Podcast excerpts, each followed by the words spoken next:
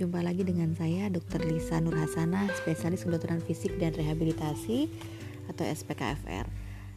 Pada kali ini saya ingin sharing sedikit tentang gangguan menelan pada pasien stroke ya. Karena kasusnya lumayan sih banyak ditemukan pada penderita-penderita yang stroke sehingga juga e, menyulitkan pasien pada saat proses makan ya. Tapi sebelumnya saya akan bercerita sedikit tentang bagaimana sih proses menelan yang normal ya. Oke, proses menelan itu terdiri dari tiga fase. Fase pertama yaitu fase oral. Fase oral ini terjadi pada area mulut, di mana makanan yang masuk ke dalam mulut akan diolah menjadi bolus. Jadi kita kunyah sampai halus, yang namanya bolus tadi bolus adalah gumpalan makanan yang nanti ditelan dengan aman e, untuk sampai ke lambung. Kemudian yang kedua adalah fase faringeal. Fas, e, faring ini letaknya di belakang amandel. Jadi apabila nanti bolusnya sudah terbentuk, lidah akan mendorong e, makanan tadi ke ke belakang amandel tadi atau belakang ke area faring. Nah, di saat itu akan terjadi refleks menelan Refleks menelan ini ya, artinya secara otomatis pada saat makanan akan di, dikirim ke dalam lambung, maka eh, area yang menuju hidung itu akan ditutup oleh palatum mole sehingga makanan nggak loncat ke hidung. Dan juga area yang menuju paru-paru akan ditutup oleh epiglottis sehingga makanan nggak loncat ke dalam eh, area tenggorokan dan menuju paru-paru sehingga tidak tersedak pasiennya. Nah, kemudian uh, pada saat kita uh, refleks itu terjadi, kita tuh nggak bernafas 1 sampai 2 detik. Coba deh dirasakan pada saat kita menelan nih itu ada fase kita tidak bernafas 1 sampai 2 detik. Itu sebetulnya proses refleks yang baik tuh sedang terjadi ya supaya makanan bisa selama apa bisa masuk ke uh, fase berikutnya yaitu fase esofageal di mana makanan akan dikirim ke esofagus atau kerongkongan.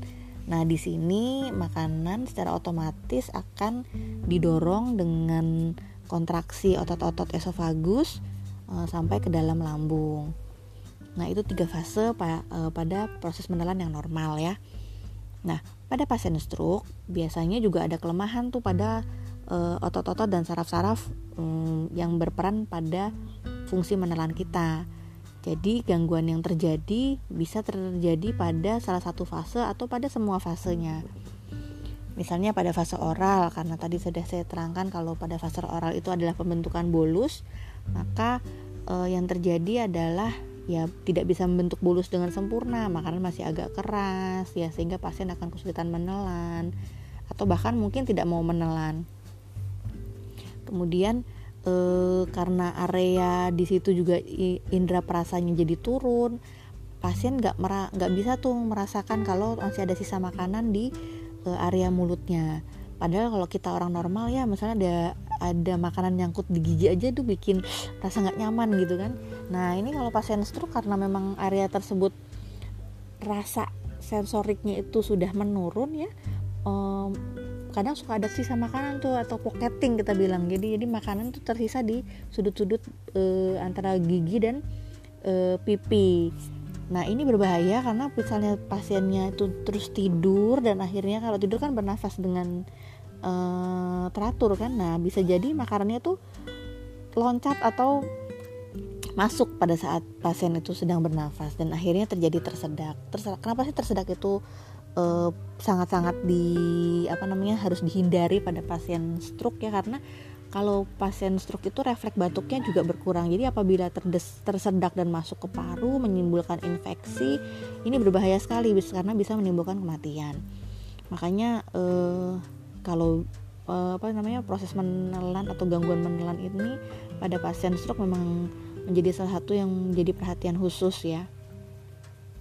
Nah, kemudian gangguan apa yang terjadi pada fase faringeal gangguan yang terjadi pada fase faringeal yaitu otomatis mungkin apa bisa terjadi refleksnya tidak berjalan sempurna akhirnya mak, e, yang ke hidung tidak menutup secara sempurna yang ke arah e, tenggorokan atau ke arah paru juga tidak menutup sempurna. Jadi pasien juga berpotensi tersedak.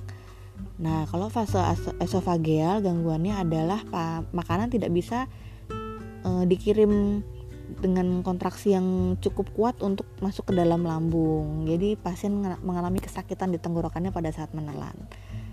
Nah, itu yang bisa terjadi pada pasien pasien stroke ya, gangguan menelannya. Nah, bagaimana tata laksananya nih? Nah, biasanya eh, dokter SPKFR seperti saya akan melihat biar kalau pasien ini kondisinya sudah stabil dan apabila ada keluhan menelan kita sesegera mungkin tuh melakukan assessment. Kita harus cari tahu nih kira-kira gangguannya di fase apa sih gitu. Kemudian eh, pada tekstur makanan yang bagaimana nih pasiennya nggak bisa gitu ya. Atau pada suhu ding makanan suhu dingin atau suhu uh, panas uh, bisa nggak pasiennya? Nah kita betul-betul ngelihat uh, pasien itu case by case ya. Makanya tata laksana yang dilakukan juga akan disesuaikan dengan gangguan yang terjadi. Tetapi syarat untuk pasien dapat diakses atau di, dilakukan penilaian uh, pasiennya harus dapat bisa du, apa didudukan ke arah tegak dulu ya. Karena kalau posisi tiduran itu juga untuk menelan kan susah kan. Kemudian pasien juga proses berpikirnya harus baik sehingga e, bisa menerima instruksi-instruksi dari dokternya serta pasien dapat berkonsentrasi kurang lebih sekitar e,